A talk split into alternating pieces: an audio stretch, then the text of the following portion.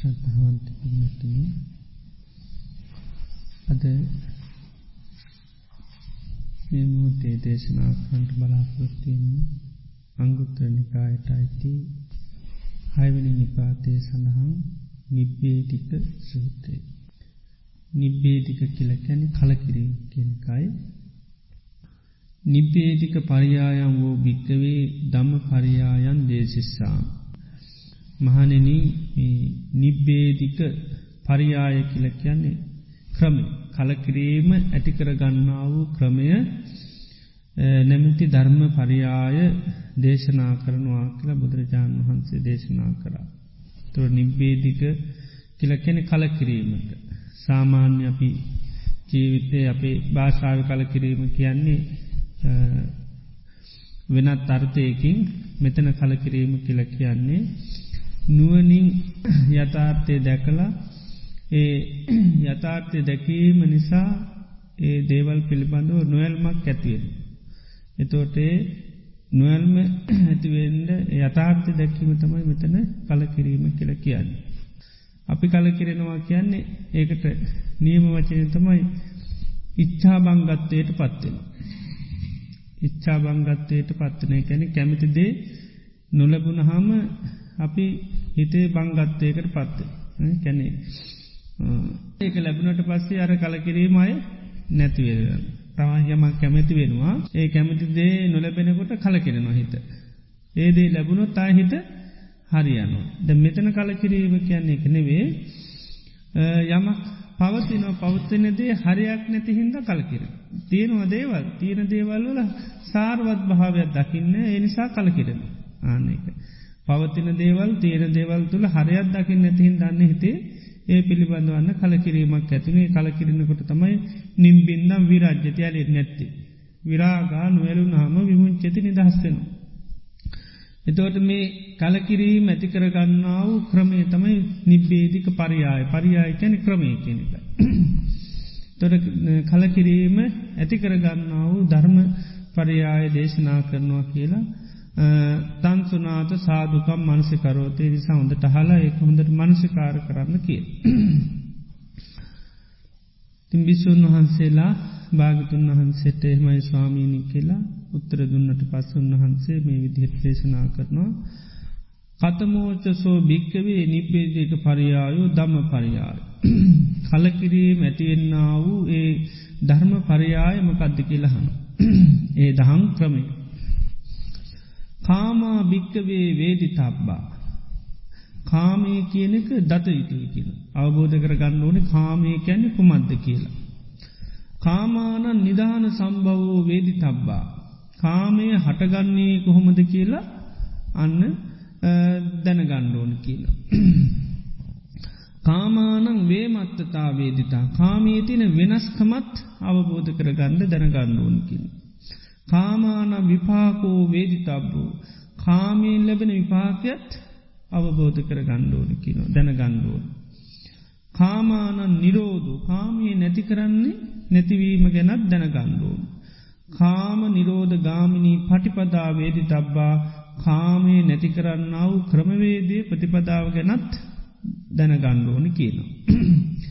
එතොට කාමය සම්බන්ධව කරුණු හයක් දැන ගණ්ඩෝන්. පළවෙනි එක කාමය කියන්න කුමන්ද. දෙවනි එක කාමය හටගන්නේ කොහොමද කියලා. තුන්වනින්න එක කාමයේ තියෙන වෙනස්කම වේමත්තතා කියල පාලින්කැන වෙනස්කම. හතරවෙනික කාමානම් විපාක කාමින් ලැබෙන විපාහකි. කාමී පරිහරණය කරන්නගේ පා වෙන විපත විපාගීකය. ඊළඟට කාම නිරෝධු කාමී නිරුද්ධ කරන්න කොහොමද. ඊළඟට කාම නිරෝධ ගාමිනී පටිපදා කාමී නිරුද්ධ කරන්නාව ක්‍රමවේදේ. මෙන්න මේ කරුණු ටික අවබෝධ කර ගණ්ඩුවන් කිනු.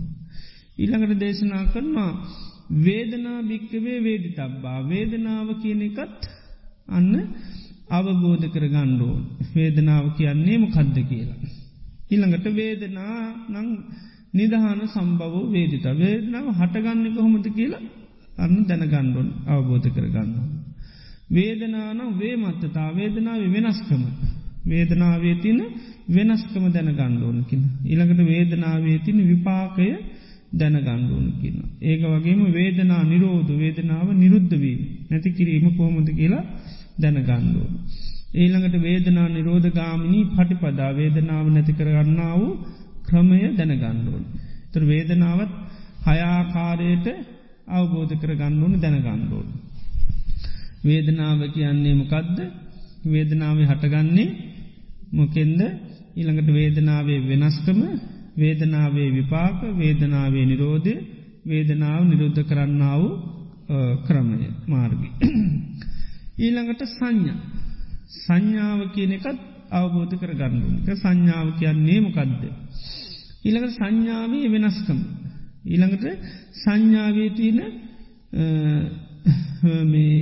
සංඥාව හටගන්නේ කොහොමද කියලා ඉළඟට සංඥාවේ තියෙන වෙනස්කම වේ මත්තතා වෙනස්කම. ඉළඟට සංඥාවේ තියෙන විපාකි. ඉළඟට සංඥාවේ නිරෝධය ඉළඟට සංඥාව නිරුද්ධ කරන්නාව ක්‍රම ඒකත් අර විදිහෙම අයාකාරෝටම අවබෝධ කරගන්නුවන්. ඉළඟට කිනවා ආසවා වේදිතම් භාශ්‍රව දැනගණ්ඩුව. ආශ්‍රව කියන්නේ මොකක්ද. ඉළඟට ආසවාන නිදහන සම්භව වේදිතබ්බා. ආශ්‍රවයන් හටගන්නේ කොහොමද කියලා අන්න දැනගණ්ඩෝනික. ආශ්‍රවානම් වේමත්තතා ආශ්‍රවවල තින වෙනස්කම දැනගණ්ඩුවන කියන. ඉළඟට ආශ්‍රවවල තියෙන විපාකයක් දැනගණ්ඩෝන කියෙන ආශ්‍රව නිරෝධයක් දැනගණ්ඩෝනේ ආශ්ව නිරෝධගාමිණි ප්‍රතිපදාවත් දැනගන්න තර ආසවත් හයාකාරයි. ඊළඟට අවබෝධ කරගන්න කියෙන කම්මං වේදිතාබ කර්මය දැනගණ්ඩුව. කම්මානං නිධාන සම්බෝ කර්මි හටගන්න කොහොමද කියලත් දැනගණ්ඩුවන්කි. ඊළඟට කම්මානං වේමත්තතා කර්මය තියෙන වෙනස්කම දැනගණ්ඩුවන්. කාම කම්මානං විපාකෝ කර්මීතින විපාකයත් දැනගණ්ඩුවන්. ඉළඟට කම්ම නිරෝධෝ කරමය නිරුද්ධ කිරීමත් දැනගන්නු. ඊළඟට කම්ම නිරෝධගාමනි පටිපදා කර්මය නිරුද්ධ කරන්නාව ක්‍රමයක් දැනගන්නුව කර්මයක් එතට අරවිදිේ හයාකාරෝ අවබෝධ කර ගණ්ඩුව. ඊළඟට දුක්කං වේදි තබ්බා දුක අවබෝධ කර ගණ්ඩුව. ඉළඟට දුක්කස්ස නිධාන සම්භවෝ වේදි තබ්බා. දුක හටගනීම අන්න අවබෝධ කර ගණ්ඩුවන් දැනගණ්ඩුව. දුක්කස්ස වේමත්තතා වේදි තබ්බා. දුකේ වෙනස්කමත් දැනගණ්ඩුවන්. ඊළඟට දුක්කස්ස විපාකෝ වේදි තබ්බා. දුකේ තියෙන විපාකයක් දැනගන්නු. දුකින් ලැබෙන විපාකය. දුක්ක නිරෝධෝ වේද දුක නිරුද්ධ කිරීමත් නැති කරන්නුව. දුක නිරෝධය දැනගන්නු. දුක්ක නිරෝධ ගාමිණී පටිපදා වේදි තබ්බා දුක් නැති කරගන්නා වූ අන්න ප්‍රතිපදාව අන්න දැනගණ්ඩෝන කියන. එතෝට මෙතන කරුණු අය දුක පිළිබඳවත් අර විදියට හයාකාර දුක කියන්න මකක්ද දුක හටගන්න කොහොමද දුකේ වෙනස්කම දුකේ විපාග දුක්ක නිරෝධය දුක් නිරෝධ කරන්නා වූ මාර්ගය. එතොට මෙතන බුදුරජාණන් වහන්සේ කරුණු හයක් පෙනෙනු පලවනියක කර්මය මේ කර්මයක පලවනික කාමය දෙවනියක වේදනා තුන්න සංඥාව හතර ආශ්‍රව පහකර්ම අය දුක ගැන. මෙන්න මේ කරුණු හය පිළිබඳ වන්න අවබෝධ කර ගණ්ඩුවන් කිය. ඊළඟට බුදුරජාණන් වහන්සේ දේශනා කරනවා කාමා භික්කවේ වේදිතබ්බා දැන් කාමී කියැන මොකක්ද කියල දැන ගණ්ඩුවන්. ඉළඟට කාමී අර විදිහේ කාමී හටගන්න කොහොමද ඊළඟට කාමයේ තියෙන වෙනස්කම කාමයේ විපාක කාම නිරෝධය කාම නිරෝධ ගාමිණි ප්‍රතිපදාව. මෙන්න මේ විදිරිකිව්වා මේ මොකක් නිසාද කොහොම දේ අවබෝධ කරගන්නේ කොහොම කියලා විස්තර කරන. පංචිමේ භික්කවේ කාම ගුණ කාම ගුණ පහත්තියන කාමගුණ පහත්තියනෝ කෙනවා. චක්කු විඤ්ඥේයා රූපා ඉත්තා කන්තා මනාපා පිය රූපා කාම සංහිතා රජනීයා. ඇහින් දැකීතු රූපතියන. ඒ රූප ඉත්තා කැන්නේ හා බොහොම ලස්සන කන්තා කාන්තිය මන මනාපාගැන මන වඩන පියරූපා පියස්වරූපය යුතු කාමූප සංහිතා කැමැත් ඇති කල්ල දෙනවා රජනීයා හිත ඇලෙනු. ඒ ඒ ඒක තමයි චක්කු විඤ්ඥ රූප කැන තර ඒක ස්වභාව තමයි ඇහැට රූප ඇහැට පේන රූප බොහොම ස්ථායි කාන්තයි මනාපයි ඊළඟට හිත බැඳිල යනවා හිතට කැමැත්තෙද හිත ඇලිල යනු. ඒ රූපොල්ල තියෙන ස්වභාව.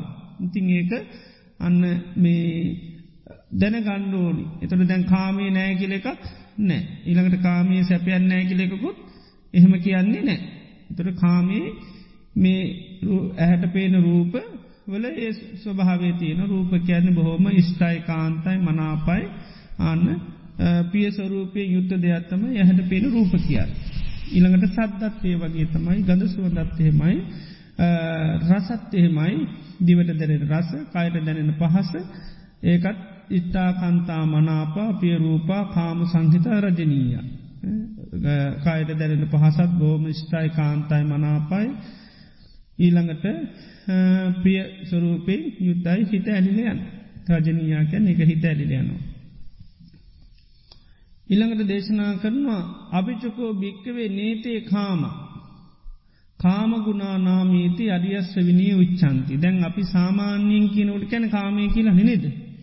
නමුත් බුදුරජාණන් වන්සිකින මේවට කාමය කියලා කියන්නේ නෑ මේවට ගැන කාමගුණ ගැන කැමැත්ත ඇති කරලා දෙන්න දෙයක්ත්තමයි බාහිරුව රූප සද්ධ ගන්ධ රස ඉස්පර්ශ තුළ තියෙන්. ඒකට ආරිවිනී කාමී කියන්නේ. එකට කාම ගුණ කියල තමයි කියන්න. එතර බාහිර තියන රූප සද්ධගන්ධ රස ස්පර්ශරව තියෙන ගුණාත්මක භාවයක් තියෙන් ඒ අර වගේ ඉෂ්ඨකාන්තමනාප ගතියක් තියෙන්. ඒ නිසා ඒවට කාම ගුණ මිසක්ක කාමී කියල කියන්නේ නැහැ. එතර කාමී කියන එක තෝරන. සංකප්ප රාගෝ පුරිසස්ස කාමෝ නතේකාමා යානි චිත්‍රාණි ලෝකි. ලෝකයේ තියෙන විසිතුරු දේවල් වලට කාමය කියල කියන්නේ සංකප්ප රාගෝ පුරිසස්ස කාමෝ. මනුස්්‍යයාගේ සංකල්ප කියන සංකල්ප රාගය තමයි කාමය කිය. නතේකාමා යානි චිත්‍රාණි ලෝකි. ලෝක තියෙන විසිතුරු දේවල් වලට කාමී කියන්නේ නැහැ ඒව කාම ගුණ. එතට සැබැහැකාමීමකදද සංකප්පරාග. සංකල්පරාකෙන් හිතේ හදාගන්නව තමයි කාමී බවට පත්තේ. දැන් අපි ගත්තහම ලෝකෙ දැන් හැමෝම හැමදේටම කැමතිද. නෑන නේද. දැන් හැම කෑමවලට හැමෝම කැමතිද. නෑ. හැම කෑමවලටම කැමතින දැම් මෙතන අපි ගත්තොත් බීම බෝතල් ටිකක් කවුර ගෙනල්ලා තියෙන්.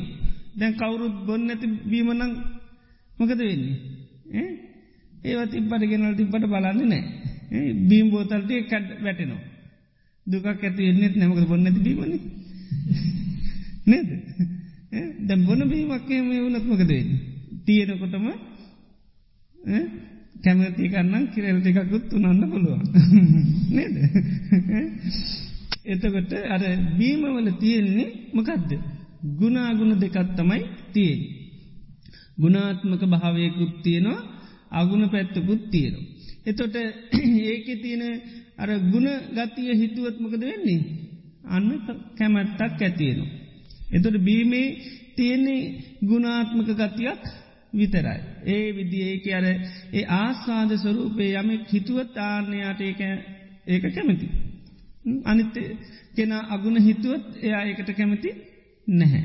ඒකයි එතොට බාහිර කාමයේ තියෙන් අර ගුණගතියක් ඒකයි කාම ගුණ කියල කියන්නේ එකයි කැමැත් ඇති කරල දෙන ගතිය බාහිර රූපොල තියෙන්. එතොට ඒ කැමැත් ඇති කරල දෙන දේ යමෙක් කල්පනාකරොත් ආනයාට ඒකට කැමති වෙනවා. එතොට ඒ කැමෙත් ඇති කරල දෙන දේ ඒ විදිරෙන එතෝට යාගේ අර හිතේ අන්න සංකල්පය වසයෙන් අර කැමැත්තම වෙන. එතෝට ඒක දකිනකොට ඇතුළ තියෙනව නන්තම එන්න කැමැත්. දාගන නැත්නම් එන්නේ නෑ. දැන් අලුතෙන් හදල තින කෑම අපි දන්නඇත්තන් අපිට පස්්නයක් නෑ නේද අලුත්තෙන් හතර කෑම් තාම දාගන නෑ ඔළුවට. ඒ නිසා කඩේ පිළිය තිබ්බට නේද ඒ ගානක් නැතිවෙන්න පුළුවන්. ඊට පස්සේ යන්න කවුරුවරි වර්ණා කරනු අලුත් කෑම. ඊට පස්සේ අපිත් ඒ වර්ණාව හිතනවා. ඉතින් ඒක තේරෙන් නැතුන හවල් කෑම වගේ තව මේ කෑමත් කියල කියන තරේ කෑම මේ කෑමට දාලෙතොට ඒක හිතනවා. එතොට ආන්නේ සංකල්පයක් හිතේ ගොඩ නැගෙන. ඒ එතකොට ආන්නර කියන කෑම එනවා එලියට එන්නකොටමක දෙන්නේ. අන්න තොට දකිනකොටම දැන් දාගන්න තියන්නේ. ආන්නතුර දකිනකොටම කැමැත් ඇතිය. එතොට ඒකයි මේ මේ සැබෑ කාමී තියෙන්නේ බාහිරෝනවේ ඇතුළෙක්. ඒ නිසාම කියනව මෙතන බුදුරජාණන් වහන්සේ තිට්ටානි චිත්‍රානි තතේව ලෝකේ ලෝකයේ තින විසිතුරු දේවල් එහිමම තියෙනවා. අතෙත්ත දීරා විනියංචි තන්ද නුනතියමකද කරන්න තමන්ගේ කැමැත් අයින් කරගන්න. කැමැත් අයින් කරවන් පසක කාමයක් නෑ. දැ බාහිර කාමය වුණනා නමකද වෙන්නේ රූප වන්නකට පස්්නයන්නේ කාමේ අයින් කරන්න. කැන රූපතික විරාස කරන්න ඕනි නැත රූප දකිනට ආස ඇති නොනේ සද්ධ විනාස කරන්න ඕනේ දැන් එහෙම කරන්න දෙයක් නෑ. මේක ඇතිලේ තියෙන ආන සංකල්පය අයිංකරගත්ත ගමන් ඉවර. එනිසා කියනු අතෙත්ත දීරා විනයංචි චන්ද මේක තින කැමැත් අයින් කරගන්න කාමයට තින කැමැත් අයින් කරගන්න හිතේ තියෙන කැමැත්තේ තොට කාමයක් නෑ. දැරහතන් වහන්සේ නමක් මෙතෙන් ඩව් මෙතන මොනහරි අපි ඇලෙන දෙයක්ත්තිරන උන්හන්සර මොකුත් නෑ කාමයක් නෑ. මකද හැමදේකම ආදීනුවත් දකින ඇරෙන් උන්හන්සට ආසාධයක් කහවෙන්නේ නෑ. හැමදේක මාදීනුව පැත්ත තමයි පේ නාසාධයව වෙන්නේ නෑ. තැන් රසකෑමක් ගන්නකට රහතන් වහන්සේටත් රසේ දැනෙන. කින රස පටි සංවේදී රසේ දැනගන්නවා රස රාග පරිසංවේදී රසේ හා බැඳිචි හිතක් නෑ. එක් අවස්ථාවකදී බුදුරජන් වහන්සේ සැරුත් මහරහතන් වහන්සේගෙන් අහනවා සාධිපුත්තම සැපවේදනා හටගන්නකට ඒකේ තින ආස්වාදය තේරෙන් නැත්ති ඇයි කියලහනු. සැපවේදනාවක් හටගන්නකට ඒක තින ආස්වාදය තේරෙන් නැත්ති ඇයි කියලානු. එතකොට දේශනා කරනවා ස්වාමීනි සැපවේදනාවක් හටගන්නකොටම අනිච්චන්ති පජානාති එක අනිත්‍යයයි කියල දැනගන්න. ආනෙක ආදීනු පේඩීන්නමක දෙන්නේ ආත්සාධයහ වෙන්නේ නෑ.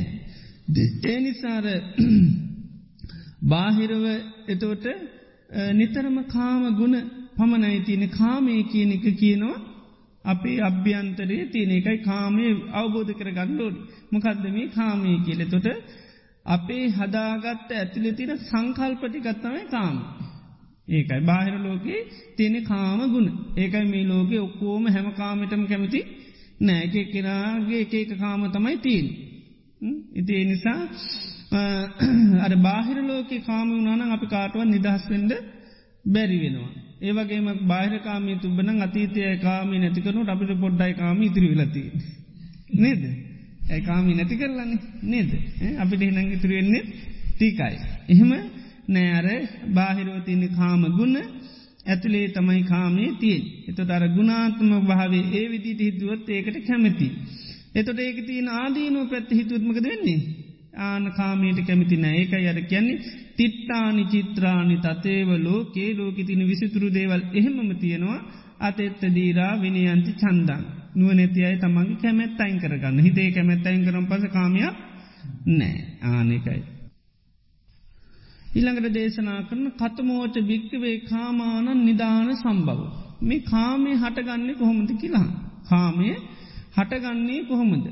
පස්සෝ භික්කවේ කාමානන් නිධාන සම්බවෝ. කාමේ හටගන්නමකින්ද ස්පර්ශයෙන් කියන. ස්පර්ශයෙන් තමයි කාමේ හටගන්න මකක් ස්පර්ශය කියලකයන්.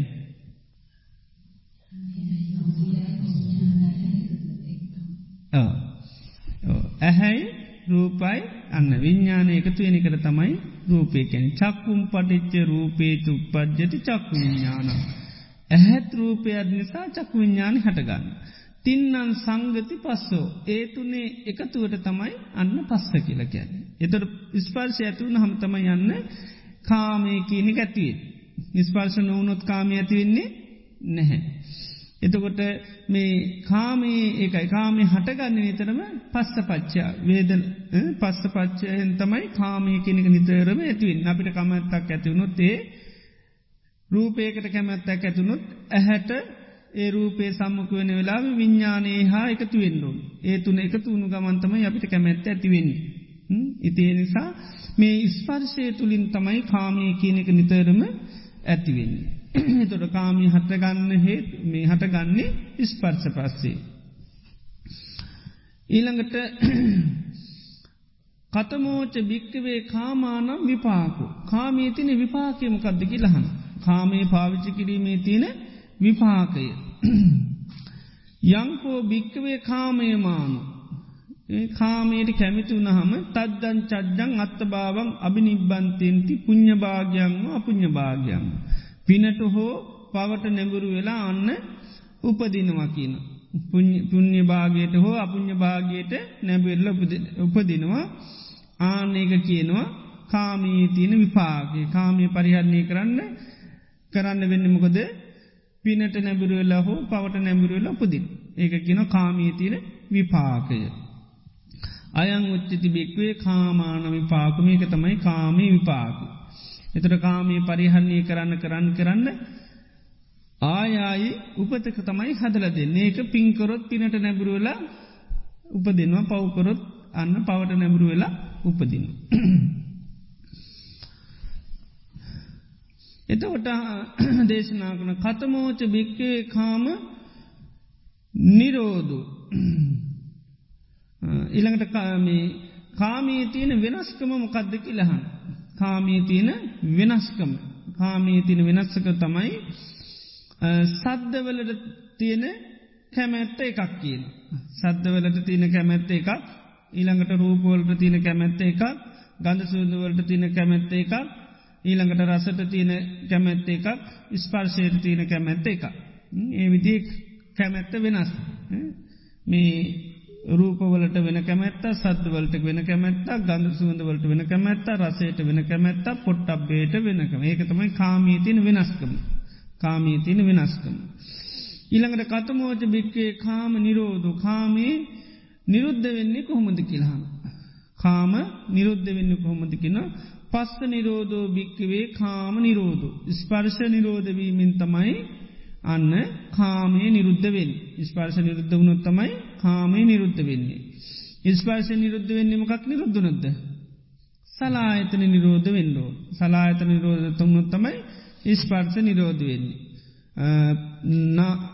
සලායතන නිරෝධා පස්ස නිරෝධ සලායතන නිරුද්ධනොත් තම ස්පර්ශ නිරුද්ධ වෙන්නේ. සලායතන නිරුද්ධ වෙන්නේ මොකක් නිරුද්ධනොද්ද.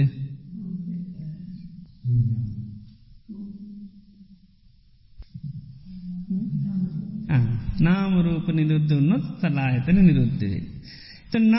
නාමරූප නිරුද්ධ වෙන්නේ මොකක් නිරුද්ධනොද. විඤ්ඥානය නිරුද්ධ වෙන්ඩ. විඤ්ඥාන නිරුද්ධ වෙන්නේ මොකක් නිරුද්ධ සංකාර නිරුද්ධන. සංස්කාර නිරුද්ධ වෙන්නේ අන්න අවිද්‍යාව නිරුද්ධීම. එතට අවිද්‍යා නිරෝධා සංකාර නිරෝධ සංකාර නිරෝධා විඤ්ඥාන නිරෝධ විඤ්ඥාන නිරෝධා නාමරූප නිරෝධ නාමරූප නිරෝධා සලායතන සලායතන නිරෝධා පස්ස නිරෝධ. පස්ස නිරෝධා තමයින්න කාම නිරෝධ වේ. ඉස්පාට නිරුද්ධනොත් කාමී නිරුද්ධවෙන්. එතොට මේක තමයි කාමේ නිරෝධය. එතොට කාම නිරෝධ ගාමනී ප්‍රතිපදාව කියන්නමකත්. එතට කියනවා අයමේව අරියෝ අට්ටංගිකෝ මක්ගෝ කාම නිරෝධ ගාමිනී පටිපදා. කාමේ නැති කරන්න තියෙනමකක්ද ආන්න ආර්යෂ්ඨාංග මාර්ගගේ ගමන්කරොත්තමයි කාමය නිරුද්ධ කරන්න පුළුවන්කම ලැබේ. කාම නිරෝධ ගාමිනි ප්‍රටිපදාව. ඒ සඳහා දියුණු කරන්න ඕනමකදද. සම්මා දිට්ටි සම්මා සංකප්ප සම්මාවාචා සම්මා කම්මන්ත සම්මා ආජීව සම්මාවායාම සම්මා සති සම්මා සමාන්. ආනේ විදියට ආර්යෂ්ඨාංග මාර්ගයේ දියුණු කරනකොට තමයි යන්න දියුණු කිරීමෙන් තමයි අන්න කාමේ නිරුද්ධ කරලදාන්න පුළොඒක තමයි තියෙන ප්‍රතිපදාව. එතොට මේ විදිහට බුදුරජාන් වහන්සේගේ දේශනා කරන යතෝචකෝ භික්කවේ අරියසාාවකෝ. යම් කලක ආර්යශ්ාවකයා මේ විදියට ඒවන් කාමී පජානාති දැන් කාමය කියන්න මොකක්ද කියල දාන්න. එතොට සැබැහැ කාමය මොකක්ද නෑ සැබෑ කාමයකත් සංකප්පරාග අර කාමගුණන නේද. ඒව කාමගුණ. එතෝට සංකප්පරාග තමයි අන්න සැබැහැ කාමය කියල කියන්න. එතොට කාමෝ මේ විදිර කාමේ දන්නවා කියෙන. එතොට කාමී හටගන්නේ ඉස්පර්ශයේ. කාමී තින වෙනස්කම තමයි රූපවලට වෙන කැමැත්තක් ඒ විදිට එක එකවට එක විදිිය කැමෙත් එකතා වේ මත්තතාව. කාමී විපාකතමයි කැමති වෙන්න කැමතියෙන් නායමත් නුපදිනවා පිනට හෝ පවට නැබුරු වෙලා. ඊළඟට කාමී කාම නිරුද්ධ කරන්නේ ස්පර්ශය නිරුද්ධවීම කාම නිරුද්ධ කරන්තින්න කමවේදේ තමයි ආර්ය අෂ්ඨාංගික මාර්ගය. ආනේ විදිහට බුදුරන් වන්ස කියනවා සෝ ඉමං නිබ්බේදික බ්‍රහ්මචරියම් පජානාති කාම නිරෝධන් කාමි නිරුද්ධ කරන මෙන්න මේ විදියට නිබ්බේදික බ්‍රහ්මචරියාව කියන එක දැනගන්නවා කියන මේ විදියට අවබෝධ කරගත්තා.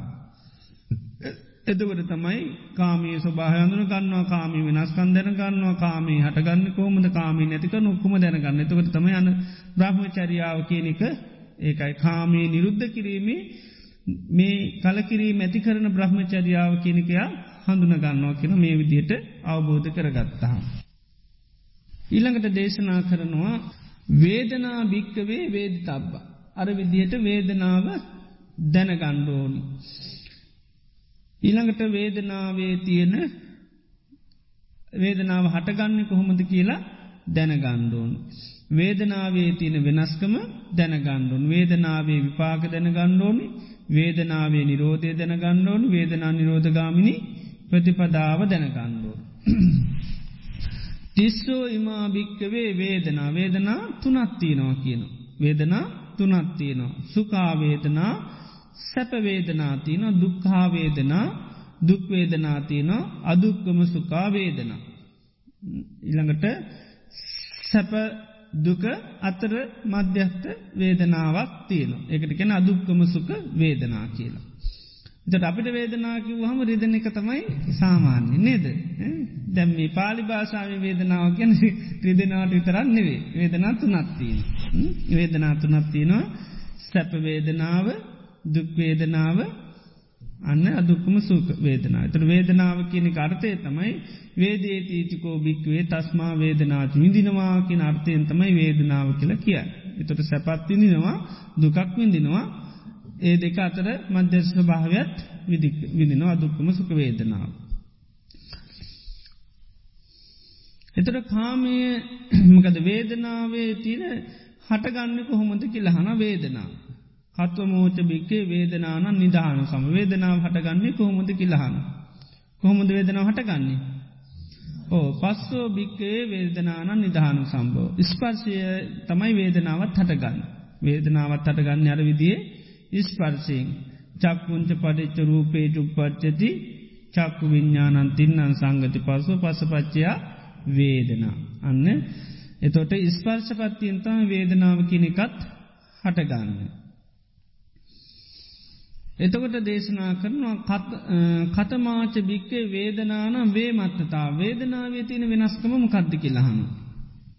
අත්ති භික්කවේ සාමිසා සුකා වේදනා. වේදනා තින ආමිස සහිත සැපවේදනා කියල තියෙන. ආමිස සහිත සැපවේදනා. ඒ තමයි රූප සද්ධ ගන්ධ රස ස්පර්ශ මුල් කරගෙනියන් සුකයක් ඇති නොන්න එකට කියන්න ආමිස සැපය කියලා. ආමිස සුකවේදනාව කියලා. අත්ති භික්වේ නිසා නිරාමිසා සුකාවේදන නිරාමිස සුකවේදනාවත් තියෙන.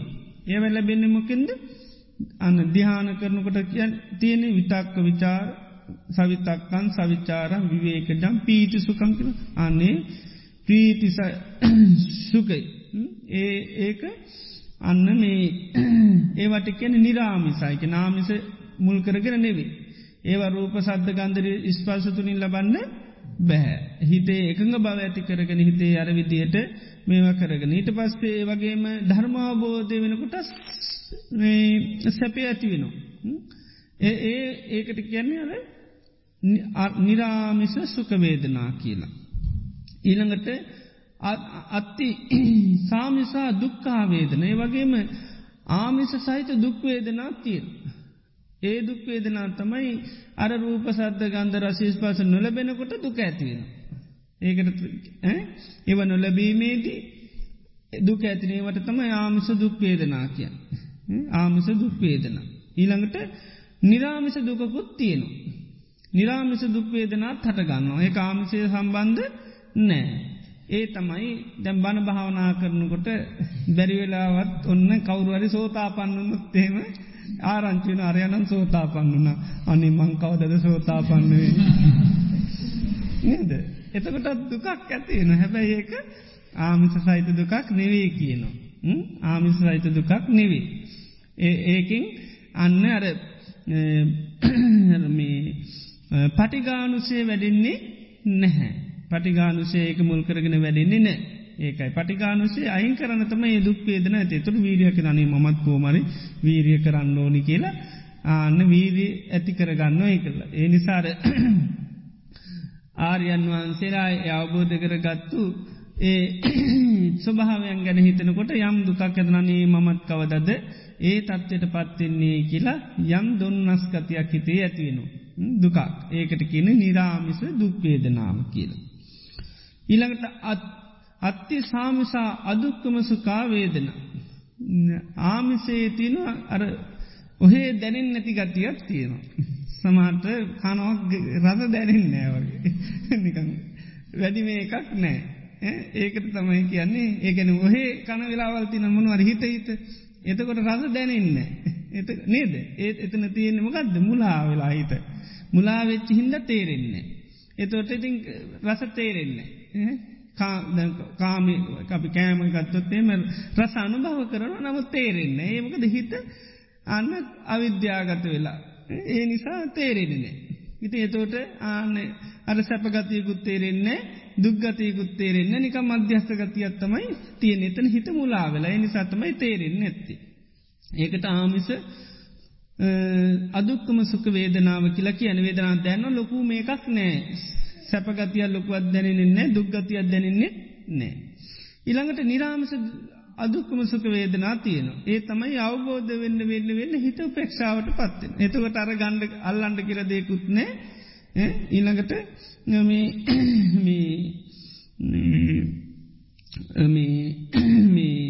ගැටෙන්ඩ කියලත් නැති මධ්‍යස්ථ ගභාවයකට හිත පත්‍රයක නිරාමස අදුක්කම සුක වේදනා කියලා කියන්න.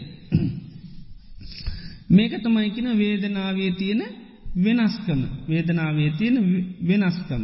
එකම වේදනාවන්නේ මේ වගේ විවිධ වේදන වේදනාව විවිධ වෙනස්කම් තියෙන්. ඉති ඒකත් අවබෝධ කර ගන්නුව.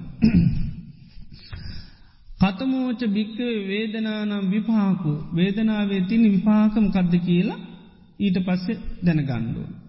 යම් භික්කවේ වේදියමානු යමක් විදිනකොට තද්දන් චජ්ජං අත්තභාවන් අභිනික්බත් ඒ ඒ ආත්ම භාව ලැබෙනවා පුං්ඥ භාගයන්වා පුං්ඥ භාගයන්. පිනට හෝ පවට නැබිරුවෙලා විඳින්න විඳින්න විදින්න ආය මොකද හැදෙන්නේ? භවේ හැදෙන භවේ ආත්භාව භවය හැදෙන ඒක පිනට නැබරුවෙන්ට පුළුවන්. එහෙම නැත්තං පවට නැබරු වෙලා ඒක සකස්වෙන්න පුළුවන්. ඒක තමයි වේදනාවේ තියෙන විපාක විඳින්න විඳින්න ආය භවයක් තමයි හදල දෙන්න ඒක පිනට නැබරු වෙනවා එම නැත්තම් පවට නැබරුවෙන්ඩත් පුළුවන් කතමෝච භික්කවේ වේදනා නිරෝධු වේදනාවේ නිරෝධය මොකක්ද කියලා. මොකද වේදනා නිරෝධය පස්ස නිරෝධාභික්කවේ වේදනාන්නු. ස්පර්ශ නිරෝධය තමයි අන්න වේදනාවේ නිරෝධය. ස්පර්ශය නිරුද්ධ වනානම් අන්න එධාරතමයි වේදනාව නිරුද්ධවේල්. ඉළඟට වේදනා නිරුද්ධ කරන්න වූ ප්‍රතිපදාමකත්ත ඒ තමයි අය මේ වරියෝ වට්ටංගිකෝ මක්ගෝ වේදනා නිරෝධගාමිනී පටිපදා වේදනාව නැති කරන්න තියෙන ක්‍රමවේදී තමයි ආර්යෂ්ඨාංම ඒකට සම්මාධිට්ටිය ඇතිකර ගණ්ඩෝන සම්මා සංකප්ප සම්මාවාචා සම්මාකම්මන්ත සම්මාජීව සම්මාවායා. සම්මාධට්ටි ඇතිකනො තමයි යන්න වේදනාව දුකක් කියලා අවබෝධ වෙනවා. එතකොට වේදනාව අවබෝධ කර ගණ්ඩෝනි වේදනාව හටගන්න තන් මේ ස්පර්ශය නිසා වේදන හටගන්න ස්පර්ශ නිරෝධය වේදනාව නිරුද්ධනවා ඒ සඳ ආර්යස්ථාන් මාර්ග ඇත්වේ විදිර සම්මාධිට්‍ය ඇති කරගන්න. ඒ විදිට ඇති කරගත්තොත් තමයි අන්න වේදනා නිරුද්ධ කිරීමේ ප්‍රතිපදාව කරා යන්න. ඉති මේ විදිහට ආර්යශාවකයා අන්න වේදනාව මේ දැනගන්න වේදනාවේ ස්වභාවය දැනගන්නවා. වේදනාව තමයි සුකවේදනා දුක්ක වේදන අදුක්කම සුකවේදනා කියලා තුනත්තිය නො එක දැනගන්න. ඊළඟට වේදනාව හටගන්න හේතුව දැනගන්නුවේ තමයි ස්පර්ශය. වේදනා වෙනස්කන් දැනගන්නවා. සුකවේදනාතින දෙකක් ආම්ස නිරාමිස දුක්වේදනාතින දෙකක් ආමිස නිරාමිස අදුක්කම සුකවේදනාතිනවා ආමිස නිරාමිස. ඒ විදිර ඒකතා වෙනස්කම වේදනාවේ විපාක තමයි විඳින්න විඳින්න විඳින්න පිනට හෝ පවට නැබල ආයමත් උපතත් හදලදෙන්. ඊළඟට වේදනාව නිරෝධය තමයි ස්පර්ශ නිරෝධ වේදනා නිරුද්ධ කරන්තිනකම වේදේ ආර්යෂ්ඨාං මාර්ගය මන් මෙන්න මේ විදිර දැනගන්නටයා අන නිබ්බේදික බ්‍රහ්මචරියාව දැනගන්නවා වේදනා නිරෝධය පිණිස. ඉළඟට දේශනා කරනවා සංඥාවත් අරවිදියේ හයාකාරෝම අවබෝධ කර ගන්න ඕන සංඥාව. සංඥාව හයාකාරෝකට හඳුනගන්නෝ. පළවෙනි එකෙම සංඥාව කියන්නෙම කද්දක. චෛමා භික්කවේ සංඥා. සංඥා කියත්තිනවද හයත්තිනවා කියනවා. සංඥා හයත්තිනවා කියනවා. රූප සංඥා සද්ධ සංඥා ගන්ධර සංඥා රස සංඥා පොඩ්ඩප සංඥා ධම්ම සංඥා කියන. සංඥා ඒ විදිට හයත්තියනවා. සාමාන්‍ය සංඥාවේ අර්ථය තමයි සංජානාතීටිකෝ භික්ටුවේ තස්මා සංඥාති විච්චති. හඳුනාගන්නවා කිය අර්ථයෙන් තමයි සංඥාව කියන්න. සංඥාවෙන් තමයි රූප හඳුනගන්න. ඊළඟට සද්ධ හඳුනගන්න ගඳ සුවඳ හඳුනගන්නේ රස් හඳුනගන්නේ පොට්ටප හඳුනගන්නේ ඊළඟට දම්ම සිටිවිලි හඳුනගන්නේ සංඥාවේ. තින් සංඥාව කියෙන නීලම්පි සංජානාති නිල් පාටයි රතු පාටයි ඒ විදිට පාට වසින් ඇහැට පේනව ඒ විදියට දිවට දැන්නවා තිත්තයි පැණි රසයි ඒ විදියට එක ඒ ආයතනයට ඒ ස්වරූපෙන් හඳුරගන්න හැකියාව සංඥා තුළ තියෙන. එතට සංඥාව හය ඒ තමයි රූප සද්ධ ගන්ධ රස පොට්ටබ්බ දම්ම කියනෙවා හඳුනාගෙන. ඉළඟට සංඥාවේ කතමෝච බික්වේ සංඥාන නිධාන සංඥාව හටගන්නේ කොහොමති කිල්හන්. සංඥාව හටගන්නේ ඕ ඒකත් ස්පර්ශය පස්ස ස්පර්ශයෙන් තමයි සංඥාවත් හටගන්න අර විදියමයි චක්කුංච පටිච රූපේ චුප්පජ්ජිත චක්කු විඤ්ඥාන තින්නන් සංගති පස්සු පස පච්චා වේදනා යම් වේදේති යමක් විඳීද සංසංජානාතයක තමයි හඳුනගන්න. විදින දේ තමයි හඳුනගන්නේ. එතෝට සංඥාව හටගන්නේ තිස්පර්ශය මයි. ඊළඟට දේශනා කරනවා කතමෝත භික්තුවේ සංඥානම් වේමත්තතා. සංඥාවේ තියෙන වෙනස්කම මොකද්ද කියලහන් සංඥාවේ තියෙන වෙනස්කම.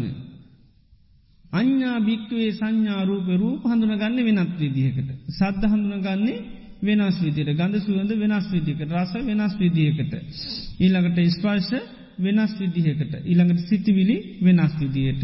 ඒ විදි එක් වෙන වෙන විදිහයට තම එව හඳුනගන්න. ඒ නිසා සංඥාවේ වේමත්වයතාවේ කැන ඒකෙන වෙනස්කම සංඥාව තියෙන වෙනස්කම.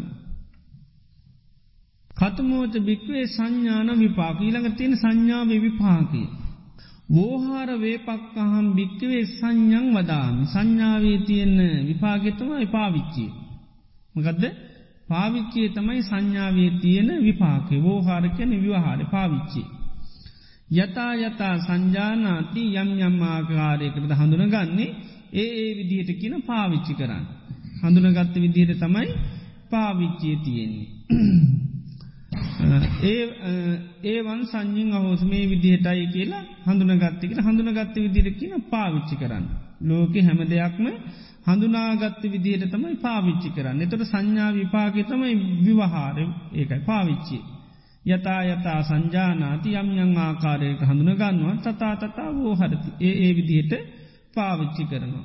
දැන්ගින්න කියනකොට හඳුනගන්න කොහොමද. මොහකැටද ගින්න හඳුනගන්න. පිච්චෙන දෙයක් හැටිට හඳුරගන්න දැන්ගින්න පාවිච්චි කරන්න ඒ විදිහටයි. ගින්න අල්ලන්ඩේම යන්නේ නෑ පිච්චෙනවනේ නේද. ඒක යතා යතා සංජානාති තතා තතා වූහත්ය හඳුනගත්තේ ගින්න පිච්චෙන දෙයක් ඇටේ නිසා පාවිච්චි කරන්නේ විදිහට. එතට ඒක ගින්න ව්‍යහාර කරන්න ඇර හඳුනගත්ත විදිහටයි.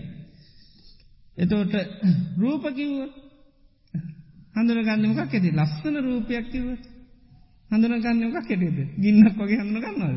නෑ. බලන් දෝන කියලා හඳුනගන්න එන නේද? ඒක හඳුනගන්න ඒ විදිට එතර පාවිච්චි කරන්න ඒ විදිහටයි. ආන්නකයි. ඉතේ වගේ හඳුනාගත්තේ විදියට තමයි පාවිච්චේ තියෙන්.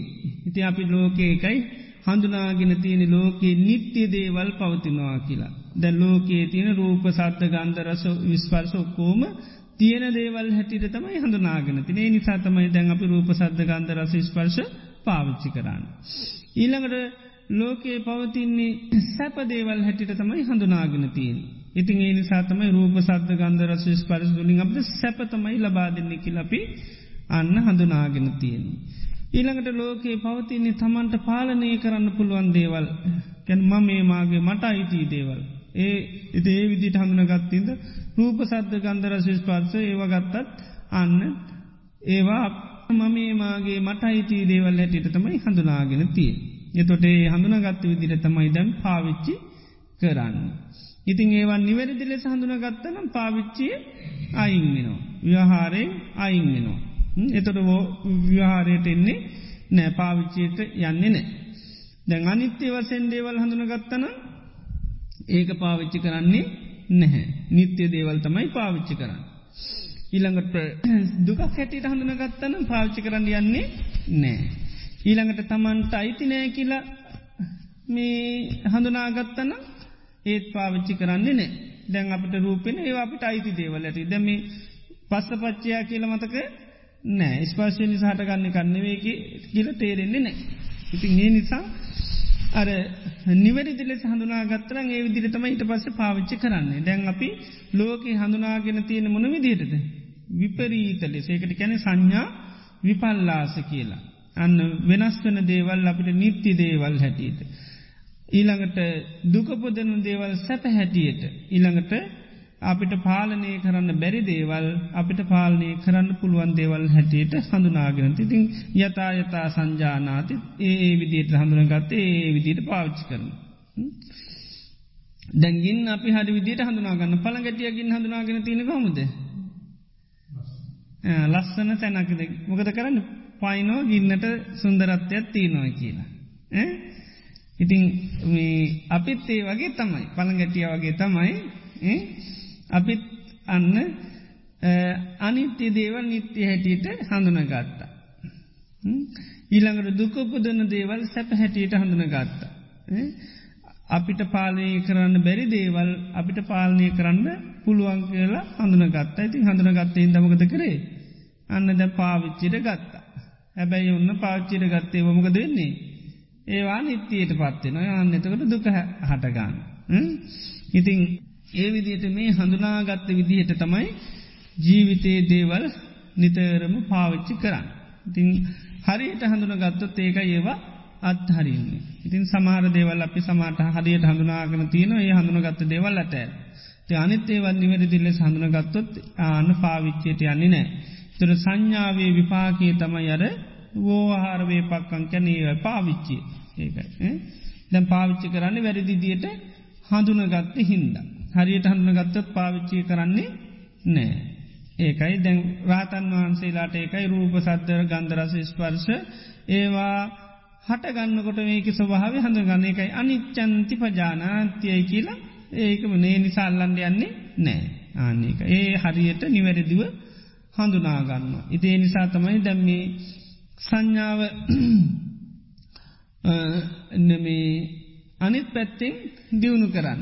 දැ විපරීත සංඥාවත්තේ අනිත් පැත්තෙන් සංඥා දියුණු කරනවා. නේද අනිච්ච සංඥා නත්ත සංඥා සුප සංඥා ආදීනුව සංඥා පහන සංඥා විරාග සංඥා නිරෝධ සංඥා අට්ටික සංඥාපලෝක සංඥා සංඥා ගත්තහම මහා ගොඩක් දියුණු කරන. ඒ මේ අන්න වැරදි සංඥාව මේකන ඒ සංඥාව පාචි කරන්න කරන්නමකද වෙන්නේ. අන්න පාවිච්චීන් වලකිනවා. පාවිච්චිය නැති වෙනවා ආන ඕහාර පැත්තට යන්නේ නෑ ඒ නිවැරදි දෙස හඳුන ගත්තාම්. ඉතිං ඊළඟට කතමෝච භික්වේ සංඥා නිරෝධ සංඥා නිරුද්ධ වෙන්නේ මකෙන්ද ඒත් පස්ස නිරෝධා භික්වේ සංඥානිද ස්වාශ නිරෝධයෙන් තමයි සංඥා නිරෝධී. ඊළඟට අය මේ වරියෝ අට්ටංගිකෝ මක්ගෝ සංඥා නිරෝධගාමිනී පටිපදා සංඥාව නිරුද්ධ කරන්නත් කරන්න තිීමකක්ද ආර්යෂ්ඨාංක මාර්ගයමයි යන්න. සම්මාධිට්්‍ය ඇති කර ගණ්ඩෝනි තින් සම්මාධිට්්‍ය ඇති කර ගන්නම කද කරන්න ඕනි? සම්මාධිට්්‍ය ඇති කර ගන්නම කද කරන්න ඕනි? හරි වැටවෙන්නේ සති දෙවෙන එක තියෙන හේතු දෙක. මොකක්ද සද්ධර්මස්ස වනේ සහ යෝනිසෝමනසිකාරය සම්මාධිට්්‍ය ඇති වෙන්නේ සද්ධර්මස්ස වනේ කරන්න ඕනි. ඊට පස්ස යෝනිසෝමනසිකාරය කරන්නෝ දැම් මේ සද්ධර්මස්ස වනේ කර දැන් සංඥාවකිව ඉතින් ඒක පස්සමගත්ත කරන්න ඕනේ? යෝනිසෝ වර්සකාරය දෙන්නඩෝන් සංඥාවේ ස්වභාව හදන්න සංඥාව කියන්නමකක්ද සංඥාව කෝමද හටගන්න? සංඥාව නිරුද්ධෙන්න්න කොම සංඥාව වෙනස්කම්මකද සංඥා පාකු ඕකෝ ඊට පසම කත කරන්න ඕනි? අහපු ධර්ම යෝනිසෝ මනස්කාරය කරන්න ඕන. එතොට තම යන්න සංඥාද මේක ඇතිලි තියෙන වන චතරත් සත්තියන ඊට පසේ කාබෝධයනවා ආන්නේකයි එතර තම සම්මාධිට්්‍යයට පැමිණෙන සම්මාධිට්්‍යයට පැමිණම් පස්ස යම්න සම්මා සංකල්ප. ඉතර පස සංඥාවෙන් කාම සංඥාද දියුණු කරනවා දෙතට නෑ. කාම සංඥාදවන එට නෙක්කම්ම සංඥා දියුණු කරන අත්තරින්ට අත්තරින්ට එතකොට ඒකයි ආදීව පැත්තිී බලනවා. එතොටමකද අත්හැරීම රූපේගත්තොත් ඒගෙන ආදීනුව සංඥාව දියුණු කරන ආදීනු සංඥාදයන බහෝදුක්කෝකෝ අයංකායෝ බහුවාදී නොනේ මේ කයිනම් බොහෝම දුක්සයිතයි බොහෝ ආදීනස ඉතිමස්මින්කායේ විවිධා ආබාධ උපපජ්ජන්ත මේකයි විවිධ ආබාධ හටගන්න මොනවද චක්කු රෝගෝ සෝත රෝගෝ ගාන රෝගෝ ගිව්හා රෝගෝ කාය රෝගෝ ඒ විදියට අන්න ආදීනුව සංඥා එතොටමකද වෙන්නේ?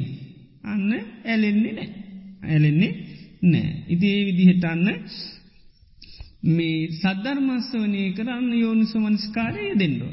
එතොට තමයි අන්න මේ සම්මාධිත්‍ය ඇතිවෙන ඉට පට සම්මා සංකප් ඒකයි. එතටම නෙක්කම් අත්තාරන්න තමයි ඉට පස සංකල්පන ඒකයි. දියුණු කරන්න. එතොට තමයි අර සංඥාව හඳුනාගන්න පුළුවන්කම ලැබ. ඉතිේ විදියට මේ සංඥාව නිරුද්ධ කරන්න නම් අන්න ආර්යෂ්ඨාංග මාර්ගයට යන්න ඕනි. ආර්යෂ්ඨාංග මාර්ගයේ පලින් ඇති කර ගන්නමකක්ද සම්මාධිට්්‍යය සම්මාධිට්්‍ය ඇතිවෙනමකින්ද සද්ධර්මංශවනයයි යෝනිසෝමනස්කාරය. ඊළඟට හතරවෙනික තමයිමකක්ද ආශ්‍රව. ආසවා භික්වේ වේදි තබ්බ ආශ්‍රව දැනගන්නුන් කින එතුරකින තයෝමී භික්කවේ ආසවා ආශ්‍රව තුනත්තියෙන. ආශ්‍රව. තුනක් තියෙනවා. මොනවදේ තුන කාමාසව බවාසව අවිද්‍යාසව. කාමාශ්‍රව කියන්නේ කාමයට හිතේ මුල් බැසගත්ත ගති. ඒක තමයි කාමාශ්‍රව කියලා කියන්න. මුල් බැසගත්ත ගති. මේ ඊළඟට භවයේ බවාසර කැන භවේ මුල් බැසගත්ත ගති. ඉළඟට අවිද්‍යාසව කියන නොදන්නාකම්. ආශ්‍රව කියන්නට මුල් බැහැපු ගතියට. මුල්ටි භාව නිතරමකද වෙන්නේ පැල්ලවෙන. එතර කාමයට කැමැත්ති නොක තායායායායමකද වෙන්නේ කාමයට තමයි යන්න. ඉතින් ඒ විදිට කාමයක ආශ්‍රවතුනයි කාමාසව බවාසව අවිද්‍යාසව. කතමෝච භික්කවේ ආසා ආසවානං නිධාන සම්භව ආශ්‍රව හටගන්නේ කොහොමද කියලාහන්. ආශ්‍රව හටගන්න කෝමද. අවිද්‍යාභික්කවේ ආසවානන් නිධාන සම්බව. අවිද්‍යාවත්තමයි ආශ්‍රවයන්ට තියෙන ආන්න හට ගැනීමේ හේතු. අවිද්‍යාවතින අන්තමයි කාමාස බවාසව අවිද්‍යාශ්‍රව කියන තුනම හටගන්න. කතමාට භික්කවේ ආසවානම් වේ මත්තතා ආශ්‍රවයන්ගේ තින වෙනස්කම මොකක්ද කියලාහන්. ආශ්‍රවයන්ගේ තියෙන වෙනස්කම. අත්ති භික්කවේ ආසවා නිරයගාමිනිය නිරේ යනාසරවත් තියෙන. සමාරාශ්‍රවෙන් කොහෙන් දැරයන්නේ නිරය කරා ගෙනියන. නිරේ ගාමිනී කැනෙක ගෙනියනො නිරේ කරා ගෙනියන. අත්ති භික්කවේ ආසවා තිරච්චානයෝනි ගාමනීය. තිරසංයෝනී යනාශ්‍රවත් තියෙනවා. අත්ති භික්කවේ ආසවා පේත විසේ ගාමනය ප්‍රේත විසේ යන යන ආශ්‍රවත් තියෙනවා. අත්තිබික්කේ ආසවා මනුසලෝක ගාවන මනුසලෝක යන ආශ්‍රවත් තියෙන. අත්තිබික්කේ ආසවා දේවලෝක ගාවන දිව්‍යලෝක යන ආශ්‍රවත් තියෙන. අයං උච්චති බික්කේ ආසවාන වේ මතමිකතම ආශ්‍රවල තින වෙනස්කම. ආශ්‍රවලින් එතෝට වෙනස්කම තමයි නිරේ යන ආශ්‍රවතියනු තිරිසන් ලෝක යන ආශ්‍රෝතියනු පේත විසේ යන ආශ්‍රෝතියනු මනුසු ලෝක යන ආශ්‍රෝතියනු ඊට පස්සේ දිව්‍යලෝකයේ යන ආශ්‍රෝතියනවා. තැන් සෝතාපන්න වෙනකොට ආශ්‍රවවල අන්න අපායගාමී ආශ්‍රව නෑ. අපායගාමී ආශ්‍රව නෑ. මකද අවිද්‍යාව එත්තරා ප්‍රමාණයකට අන්න අන්න අවිද්‍යාශ්‍රව ප්‍රහාණය වෙනවා. ඒ නිසා තමයි සෝතාපන්නයට අන්න නිරේ යන්නේ නෑ කීන නිරෝම කිනවන නේද නිරේශය කරලා කීන පේත විශම ප්‍රේත විශේෂය කරලා ඊළඟට තිරක්ෂාන යෝනිය ශේකල එතර සෝතාපන්න වෙනකට ඒකයි මේ ආශ්‍රව නැතිවෙන. ඒකයි දැන් සෝතාපන්න අයට කාමාශ්‍රවතින හැබැයි කාමය මුල් කරගෙන අපා යන දේවල් කර ගණ්ඩියන්නේ නෑ. ඒක එතනදී ඒකයි කාමය සම්බන්ධව ගත්තා මෙතනදී යම් එයාට මේ විද්‍යාවත්තියෙන් අපි ගිමුදැන් සෝතාපන්න කෙනෙ මොනහරි ලස්සන දෙයක් දැක්ක. ඒ ලස්සන දෙයක් දැක්කොත් ඒක ගණ්ඩ හිතනු ගණ්ඩකෙනු කවුරගෙන ආවලාගේ එක ආන්න එතකොට ගණ්ඩයන්නේ නෑ. එතනිදයාට අන්න සීහ පීටනු. මොකද අනු සතුතයක් ගන්න තරන් ඒක වටින්නේ නෑ එයාට. ඒකයි. ඒක අනන් සතු දෙයක් ගණඩ තරන් ඒක නෑ ඒක තියනර ඒකයි මුල් බැසගත්තු කැමැත්ත කැටලතිය. මොකද හොරකං කරලත් දෙර තරන් ගණ්ඩ ඒක වටින්නේ. අපි සම් සමහරු බඩු ගන්ඩගේ පුහම කියද කියලහන්. එතර මෙච්ච අප එච්චර ගන්න එක වටින්නේ. අඩුවට තිබ්බනම් ගන්නවා නේද. ඒ වගේ තමයි. අඩුවට තිබ්බනම් ගන්න එච්චර වේදන් කරලා ගන්න තරම් මේක අඩරන්නේ. චයිනිස් බඩුවක් වගේ. නේද?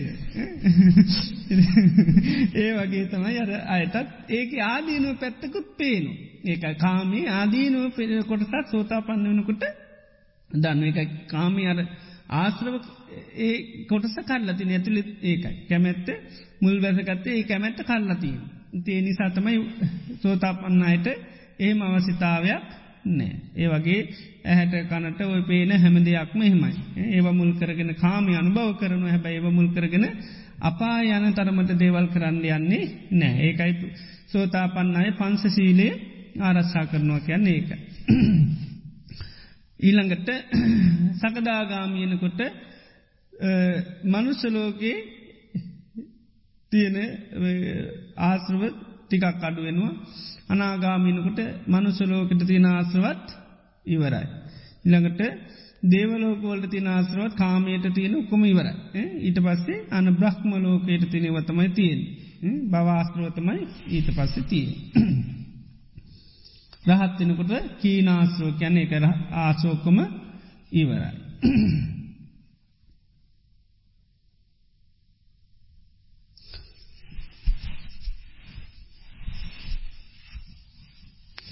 කතමෝච භික්්‍යවේ ආසවානම් විපාකු. ආසුවේතින විපාක මොනුවද කියන. යම්බෝ භිච්ච අවිද්‍යාගතු අවිද්‍යාගත වනහම්.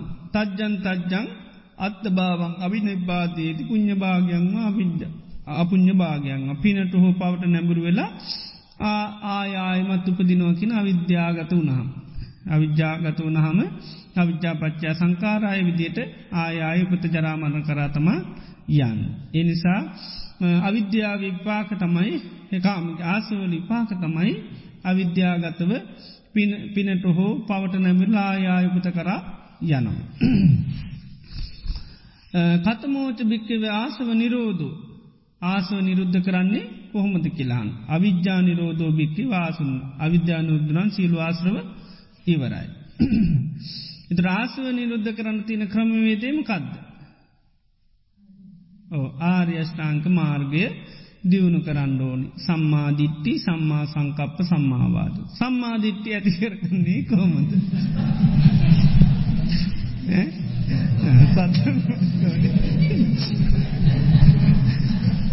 පොඩ්ඩක් හිනා කිය නැත්තන් නේද.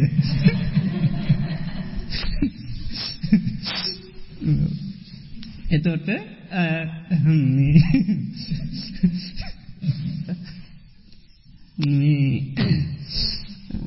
සම්මාධිට්ටිය ඇතිකර ගන්න නිතර තමයි අන්න ආර්යෂ්ඨාංක මාර්ගය තුළින් ආශ්‍රව නැතිකරගන්න තිය. ඉතිං මේ විදියට ආශ්‍රව පිළිබඳවත් ආශ්‍රව කියන්නේ මෙහිවා කියලා අවබෝධ කරගන්න. ඒ තමයි කාමාස බවාසව අවිද්‍යාශ්‍රව. ඉළඟට ආශ්‍රව හටගන්නේ අවිද්‍යාව හට ගැනීම. ආශ්‍රවවල තියෙන වෙනස්කම තමයි සමහරාශ්‍රවලින් නිරය සමාරාශ්‍රවලින් තිරිසන් ලෝකෙ ඉළඟට ප්‍රේත ආශ්‍රව ඉළඟට මනුස්ස ලෝක දේවලෝ ඒක තම ආශ්‍රවන්ගේ තින විපා විපන වෙනස්කම. ආශ්‍රවංග විපාක තමයි අවිද්‍යාගත්ව ඒ ඒ පිනට පවට නැබුරු ආත්භාවය නිස්පාදනය කරනික තමයි සිද්ධවෙන් පින් ප්‍රහෝ පවට නැබරුව. ඊළඟට ආසව නිරෝධය තමයි අවිද්‍යා නිරෝධයෙන් ආසව නිරෝධයන්. ඊළඟට ආසව නිරෝධ ගාමිනී පටිපදාවතම යාරි අෂ්ඨාංක මාර්ග මෙන්න මේ විදියට ආශ්‍රව නිරෝධය පිණිස නිබ්බේධික බ්‍රහ්මචරියාව කියන එක හඳුගන්න කලකිරීම ඇති කරගන්නාව ශාසන බ්‍රහ්මචරියාව.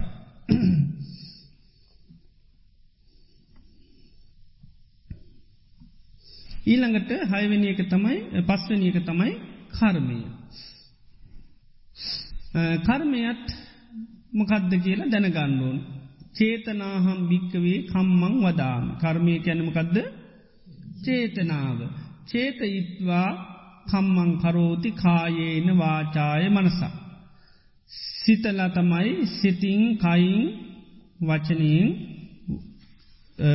කර්ම කරන්න. එතට චේතනාව තමයි කර්මය කර්මය කරන දොරටු කිය අත්තිනොද තුනයි. අන්න කායදවාරය වාද්වාරය මනෝද්වාරය. එතොට චේතනාම්භික්වේ කම්මං වදාම චේත ඉස්වා සිතා තමයි කම්මං කරෝති කර්ම කරනවා කායේන කයින් වාචාය වචනී මනසා සිතින්. කතමෝච භික්කවේ කම්මානන් නිධාන සම්බවෝ කර්මය හටගන්නේ කොහොමද කිලහන්. කර්ම හටගන්නේ කොහොමදකින පස්සෝ භික්කවේ කම්මානන් නිධාන සම්බවෝ. කර්ම හටගන්නෙත් ඉස්පර්ශය නිසා කියන. කර්ම හටගන්නෙත් ඉස්පර්ශය නිසා. අර චක්කුංච පජා රූපේච උපද්ජති චක්කුණ ඇහැත් රූපයන් නිසා විඤ්ඥානය හටගන්න. ඊළඟට චක්කුම් පරිරූපච චක්කුවිඤ්ඥන් තින්නන් සංගති පස්සු තුනේ එකතුට කියන ඉස්පර්ශය. පස්සපච්චය වේදන ස්පර්ශය හටගත්තර පසමකක්ද වෙන්නේ වේදනා. වේදනාපච්චය සංඥා. ඉළඟ සංඥා හට සංඥාව හේතුකට තමයි අන්න යං වේදේති යමක් හඳුනාගනීද තන් සංජානාති ඒක හඳුන ගන්න. යන් සංජානාති යම හඳුන ගයිද තන් චේතේ ඒක තමයි චේතනා කරන්න හඳුනගත්ත දේ තමයි චේතනා කරන්න. ඔන්න කනට කවුරුවරි බයින සද්‍යයක් ඇහෙනවා. ඒළඟට ඔන්න සෝතම් පටිච්ච සද්‍යයජු සෝත විඤ්ඥාන දැන් තුන එකතු වෙන.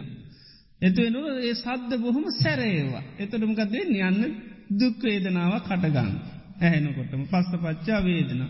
වේදනා පච්චා සංජාන හඳුනගන්න මේ මංකරපන වෙන කියන්නේ. මංගව කල්ලා නෑනේ ඊට පස්ස වන්න හඳුනගන්න හඳුන ගත්තර පස්සේ බොරු චෝදන හොඳක් වෙන්න එපා. චේතනා පාල කරන. ආන කර්මය වෙනවා. එතන තමයි කර්මය වෙන්නේ. නිකයි පස්ස පච්චයා තමයි කර්මත්තිෙන. එතොට මේ පස්සේ තමයි කර්මය හටගන්න හේතුව. ඊළඟට කතමාච භික්වේ කම්මානම් වේ මත්තතා කර්මය තියෙන වෙනස්කම කද්ද කියල කියන. අත්ති භික්කවේ කම්මන් නිරේ වේදනීයම්. කර්මයක් තින නිරේ විඳවන අරක ආස්වෝලින් කරන්නමකක්ද ගෙනියනවා. වින්දනය කරන්න කර්මයෙන් අන්න. අත්ති භික්කවේ කම්මන් නිරේවේදනය නිරේ විඳවන කර්ම තියෙනවා. ඊළඟට අත්තිභික්කේ කම්මන් තිරච්චාන යෝනි වේදනියන් තිරසං යෝනී විදින කර්ම තියෙන. අත්ති භික්වේ කම්මන් පේත විසේ වේදනියන් පියති විසේ විදන කර්ම තියෙන. අත්ති කම්මන් මනුසලෝක වේදනියන් මනුසලෝක විඳවන කර්ම තියෙන. අත්ති කම්මං දේවලෝක වේදනියන් දිවලෝක විඳවන කර්ම තියෙනවා. අයං උච්චිද භික්කේ කම්මානම් වේ මත්තතා කර්මය විනස්කම එක කියන. එතොට ආශ්‍රවෝලින් ගෙනියන කර්මයන්තමයි විඳවීමතිය. එතොට දැන් සෝතාපන්න වෙන කොටත් අන්න නිරේ විදුවන කර්ම ඉවර. මක දේ කර්ම සෝතාපන්න යතින් වෙන්නේ නෑ. ඒ අයට ඒ ඒක වෙන්න නැමක දර අවිජ්‍යාස්ත්‍රව සෝතාපන්න එක්තර අපමානය කල තිනේ නිසා ඒව ප්‍රත්තිය කරගෙන අර ස්පර්ශ වෙන්නේ නෑ. ඒක ඒව හඳුන ගන්නකොටාන් අර ඇහැට රූපයක් අරවගේ සද්‍යකනකොට ඒ හඳුන ගන්නම කත්තකිල්. ඒක දුකක් කියල හඳුන ගන්නේ නිසා ඒක මුල් කරගෙන අයට කරම වෙන්නේ නෑ. ඉතිේ නිසා සෝතා පන්න එක නිරේ තිරි සම්ප්‍රේත ලෝක විදෝන දෙවල් කරන්නේ නෑ සෝතා පන්නනකට ඒ නිරේවේදනය කර්ම ඒකට්ටියගේ සේවලයන එක කීන නිරයෝම කන එක නිරේශය කරලා තිී. එක අයි නිරේ උපදින්නේ නෑමුතු කර්ම වෙන්නේ නෑ.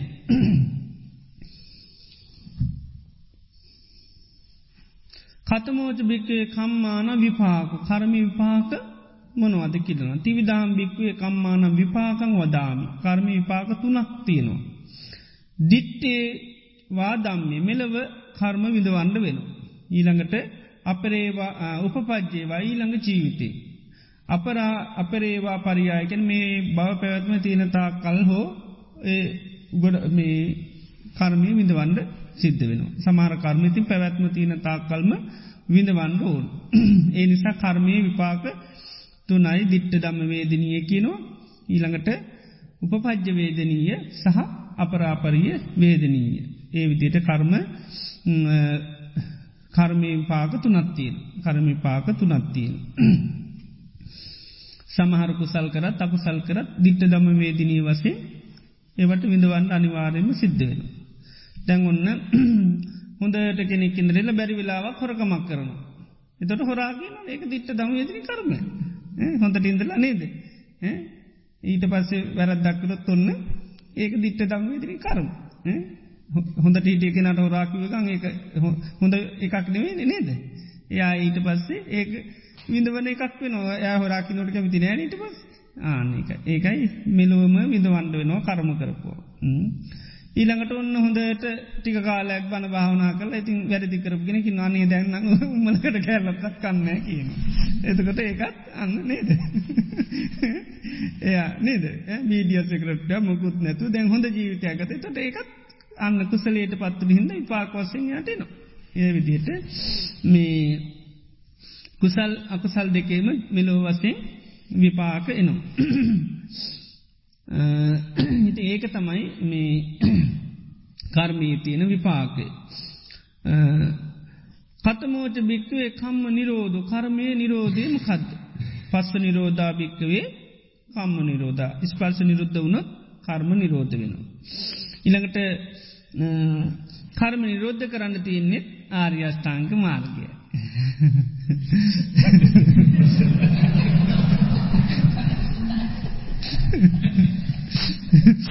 ඒකටත් සම්මාධිට්ටි සම්මා සංකප්ප. ඒටික උරුදු කරන්න ඕන. එතකොට මේ විදියට කර්මය සම්බන්ධවත් කර්මය කියන්න මොකක්ද කියල දනගන්න ඕන. කර්මය තමයි චේතනාහම් භික්කවේ කම්ම වදාමි. චේතයිත්වා කම්මං කරෝති. කායේන වාචායි මනස. ඊට පත්සේ කර්මී තියෙන කර්මී තියෙන ඊට පස්සේ කර්මි හටගන්නමකෙන්ද පස්ස ස්පර්ශය හට ගැනීමෙන් කර්ම හටගන්නවා කර්මය වෙනස්කම තමයි නිරේ විින්දිවන කර්මතියනවා පේත විශේ විඳවන කර්ම තියෙනවා ඉළඟට තිරිසංයෝනය විඳවන කරතින මනස ලෝක ලෝකයේ විඳවන කර්මතිනවා දේවලෝකවල විඳින කර්මතියෙන්. ඊළඟට කර්ම විපාකේ තමයි දිට්ට දම වේදනීය පපජ්‍ය වේදනී අපරාපරී වේදනය කර්මයතුකොට කර්ම නිරෝ මේ කර්ම නිරුද්ධ වෙන්නේ ස්පර්ශ නිරෝධවීමේ කර්ම නිරුද්ධ කරන්තින් මාර්ගාර්යෂ්ඨාංක මාර්ගයයි. එතකොට මේ විදිහට අනාර්යශාවකයා අවබෝධ කරගන්නවනං අන්නයා නිබ්බේදික බ්‍රහ්මචරියාව දැනගන්න කර්ම නිරෝධය සඳහා. ඊළඟට අන්තිම එක මකදද දුක දුකත් බුදුරජාණන් වන්සක දුක්කම් භික්කවේ වේදි තබ්බා. දුක කියන්න මොකක්ද කියලා තවබෝධ කරන්න කියනවා. ජාතිපි දුක්කා ජරාපි දුක්කා ව්‍යාධපි දුක්කෝ මරනම්පි දුක්කං සෝක පරිදේව දුක්ක දෝ මනසුපායාසා දුක්කා යම් පිච්චන්න ලබති තම්පි දුක්කන් සංකිච්චේන පංචුපාදානක් කන්දා දුක්කා. මෙන්න මේක තමයි දුක. ජාතිපි දුක්කාකය නිපදීම දුකක්. ජරාපි දුක්කා දිරායෑම දුක ව්‍යාධිපි දුක්කෝ ලෙඩවීම දුකක් මරනම්පි දුක්කං මරණයට පත්වීම දුක සෝක පරිදේව දුක්කදෝ මනස් උපායා සෝක වැලපීන් දුක් දුම්නස් උපායාස කැන්නේ හයෝ කියලහෙම කියන් ඒකතා උපායාස කියන්න. ඇතුළෙම එන මේක. උපායාස. ඊළඟට යම් පිච්චන් නලබති තම්පි දුක්කම් යමක් තමන් කැමති වෙනවද? ඒක නොලබීමේ දුක. මකදද යමක් කැමති වෙනවන නොලබීමේ දුක?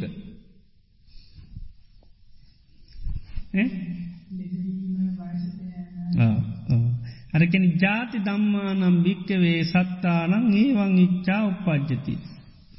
ජාතිය ස්වභාවකොට ඇති සත්‍යයන්ට මෙමුදු කැමැත්තක් ඇතියෙන. ජරාව කැමතියත්මේ. අහෝවත මයන්න ජාති දම්මා සනේ අපි ජාතියට පත්වෙන්න ඇත උපදින්න නැත්තං. එහම නැත්තං අනේ අපි දිරන්නේ නැත්තං. නකෝපනීතං ඉච්චාය පත්තම් මේක මේ කැමිතුූ පමණින් ලබන්න පුළුවන් එකන්නෙවේ. කැමතු කැමතුූප ඉදම්පි යම් පිච්චන්න ලබති. ආනක තමයි තමන් කැමති දේ නොලබීමේ දුක. සාමාන්‍ය දේවල්නං නෙවේ සාමාන්‍ය දේවල් කැමැති දේවල් ඕන්තන ලබාගන්ඩේවා පුළුවන්. මාන්සිකත්තොත් ලබාගන්න පුළ මේ කැබැයි ලබාගන්ඩ බෑ. මේක කොච්චර කැමති වනත් ලබාගන්න පුළුවන් එකක් නෙවේ සාමාන්‍ය ලෝකයේ දේවල් අපි කැමති දේවල් නොලබීම දුකක් කැබැයිව ලබාගන්ඩ බැරිකමක් නෑ. මේකෙ වුණට කොච්චර කැමිතුනත් කවදාකොත් ලබන්න කාටුවත් පුළුවන්කමක් නෑ. එක තම යම් පිච්චන්නල පිත්තං දුක්කං සංකිත්තේන පංචුපාදානක් කන්දා දුක්කා කෙටියෙන් හකුළුවා කියනවනං මේ පංචුපාදානස්කන්දය තමයි දුක. රූපවේදනා සංඥා සංකාර විඤ්ඥා එතොට මේක තමයි දුක. අතමුවච බික්වේ දුක්කස් නිදහන සම්බව දුක හටගන්නේ කොහොමද කියනහනෝ තන්නා භික්කවේ දුක්කස්ස නිධාන සම්බව තන්නහම තමයි දුකේ හට ගැනීමේ හේතු. කතමාච භික්කේ දුක්කස වේ මත්තතා දුකේ තියෙන වෙනස්කම මොකද්ද කියලා කියල්. දුකේ තියෙන වෙනස්කම. අත්ති භික්කේ දුක්කං අධිමත්තං සමහර දුක්තියන හරි මහත් දුක්තියන සමහරව අධිමාත්‍රය ෑනි දරාගන්න බැරි දුක්තියෙන. අත්ති දුක්කම් පරිත්තම් පොඩි දුක් තියෙන සමාරව එත ලොකූ දුක් නෙවේ. අත්ති දන්ද විරාගි සමහර දුක් ඉක්මනට කලකිරෙනවා. සමහරව ඉක්මනට කලකිරෙන දුකුත් තියෙනවා. අත්ති දන්ද විරා කියන හෙමිහිට කලකිරෙන දුකුත් තියෙන. අත්ති කිප්ප විරාග ඉක්මනට කලකිරෙන දුකුත් තියෙන සමහරවට එක පාටම කලකිරන්නේ දුක් හටගත්තකම. සමහරවහෙම නැහැ ඒක එහෙම කලකිරෙන්නේ නෑ. තැන් සිත්තේ හටගන්නේ වහෙම ඒවට එහෙම ඒ දුක්කලට එහෙම ඉක්මට කලකිරෙන්නේ නෑ. ඒව පවත්ව අන්න තමයි කැමති. ඒක ඒවා දන්ද විරාගේක ඒක තින කැමැත්ත එහෙම දේශයෙන් අයින් කර ගන්න බෑ. අයං උච්චිති බික්කේ දුක්කස්ස වේ මත්තතා මේක තමයි තියෙන දුකේ වෙනස්කම. පොඩි දුත්තියන ලොකු දුත්තියනවා හිමීට කලකිරන්නේ වත්තියනවා ඉක්මට කරකින්න දුකුත් තියෙන.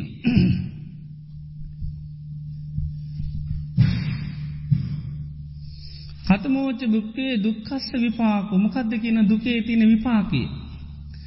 ඉද භික්වේ එකච්චෝ ඒන දුක්කේන අභිභූතු පරියාදින්න චිත්තු. සමහරය යම් දුකකට වැටුනට පස්සේ. දුකකින් මැඩලුනාට පස්සේ. දුකකින් සිත යටවුනාම සෝචති සෝක කරනවා. කිලමැති කියන කලන්ත හැදෙනවා. පරිදේවති කියැනෙ නම් ගොත් කියල අඩනවා. උරත්තාලින් කන්දති කැන කොන්නේ කටාගන්න අඩන. පෙල්ලි පෙල්ලි අන්නනවා කියන්නේ එකයි උරත්තාලින් කන්දති ඔක්කම කියලතිීන උදරන්නවස. උරත්තාලින් කන්ද සම්මෝහන් ආපච්චි මුලාවට පත්වෙන. ඒනවාපන දුක්කේ අභිභූතෝ පරියාදින්න චිත්තෝ යම් දුකකින් ඒ විදිහෙට යට වුණහාම සිත ඒකින් යටවෙලාගේ පම් බහිද්දා පරිෙට්ටි පරිෙට්ටිං ආපල්ජති. බැහැරින් දුකින් පිළිසරණක් හොයනු. කෝ ඒක පදන් දිපදංවා පජානාති මස්ස දුක්කස්ස නිරෝධා යනේ වචනයකින් හෝ දෙහෙකින් කෞද මගේ දුක නැති කරන්න කියලා හොයාගෙන යන. ඒක තමයි දුකේ තියෙන විපාකය.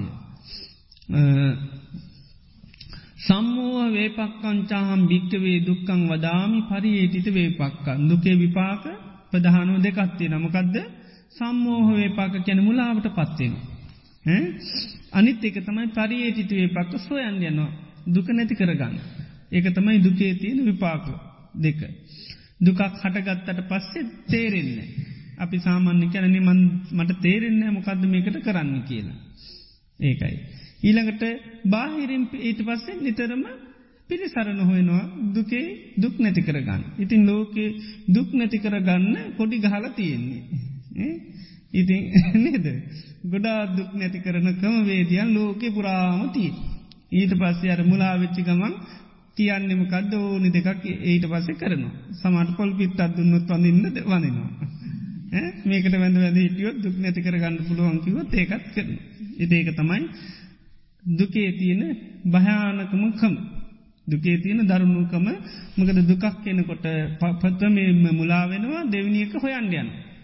ඒකයි මේ කැනෙ කෝ ඒක පදන් දිපදංවා කැන වචනයකින් හෝ දෙකින් කෞද මට උදව් කරා. දුක් නැති කරන්න. ඉතිං එතකොට කවුරරිකම වේදයක් කිවොත් ඔයා මේක කරොත් ඔයාගේ දුක නැති කරන්න පුළුවන් නැති කරන.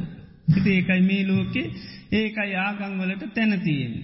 ආගංවලට තැනතින් මොකද මිනිසු දුකට පත්වෙලා ඊට පස්සේ මුලාවෙලා ඊට පස හොයන හොයනකොට තින් පිළිසරන්නට ගොඩ දේවල්තිය. ඊට පස්සමකද වෙන්නේති හරි එකක් හවුනොත් හොඳයි නැත්තං ආය දුක කරාම තමයි යන්න ඒක තමයි දුකේ විපාකයකින සම්මෝහ වේපක්ක සහ පරිවේටිත වේපක්. දැන් සෝතාපන්නයට ඒ පස්්නයක් නෑ. සෝතාපන්නයට දුකක් හටගන්නකොට අපර පච්චේ මේ ඕතු පරපත්තියක් ඕන්නේ තමන්ට දන්න දුකක් හටගන්නකොට පරි සම්පාද වසයෙන් ගත්තත් එයට තක්ගාල සහපදිනවා. මකදද මගක්කිනස් දුක හටගන්නේ. පරි සම්පාද වසයෙන් කිලකිවේ පරි සම්පාද වසින් දුක හටගන්න ගක් නිසාද. ජාතිපච්චය ජාතිපච්චයා ජරාමරණන් සෝක පරිදය දුක්ක දෝ මනසු පායාද. චතුරා සත්‍යය ගත්තුත් තන්න තන්නා පච්චය තන්නාව නිසා තමයි දුක්කිින්දන්න. ඉතින් එතෝට අද සෝතාපන්න කෙනට ඒකයි ආරණයාය හොඳ අවබෝධ ය දන්න දුක කටගන්නකුට ජාතිපච්චේ වෙති චිනිසයිමන් දුක්කිනින්. ඒකයි එතට අන්න බාහිර ලෝකයේ පිරිසරණවල් හොයන යන්න තමන්දන්න. ඒකයි සෝතාපන්න අය කෝතු හල මංගලික ඒවා දේවල් වලට යන්නේ නෑ. බාහිරෝ තියෙන කිසිම පිළිසරණුවල් හොයාන යන්නේ නෑ. මක දේ අය දන්න දුක හටගන්න හේතුවම කත්ත කියල. දුකහට ගන්නකට හේතුව හොඳට අවබෝධ නිසා ඒකයි බාහිර හොයා දේවල්වලට වෙනස් සාතුරුවරු අදහන්න වෙනත් ඇදහිලි අරුව මේවක් ඒ කෝතු හල මංගලක ඒව මොකේටුවත් යන්නේ නෑ කියන. සෝතා පන්නයි. මොක දේ අය අර චතුරා සත්‍ය පිළිබඳව අවබෝධී තියනි සදුකත් දන්න දුක හටගන්න කොමතත් කියලදන්නවා. දුක්ක නිරෝධයක් දන්න දුක්ක නිරෝධ ගාමනි ප්‍රතිපදාවත් දන්න. ඊට පස්සේ කතමෝච භික්කවේ දුක්ක නිරෝධ තන්නහා නිරෝධෝ භික්කවේ දුක්ක නිරෝධ තන්නාව නිර්තවීම තමයි දුක්ක නිරෝධී. ඊළඟට දුක්ක නිරෝධ ගාමනී ප්‍රතිපදාව තමයි ආර්යෂ්ඨාංග මාර්ගගේ. සම්මාධිට්ටි සම්මා සංකප්ප සම්මාවාච සම්මාකම්මන්ත සම්මාජීව සම්මාකම්මන්ත ඊළඟට සම්මා සති සම්මා සමාන්.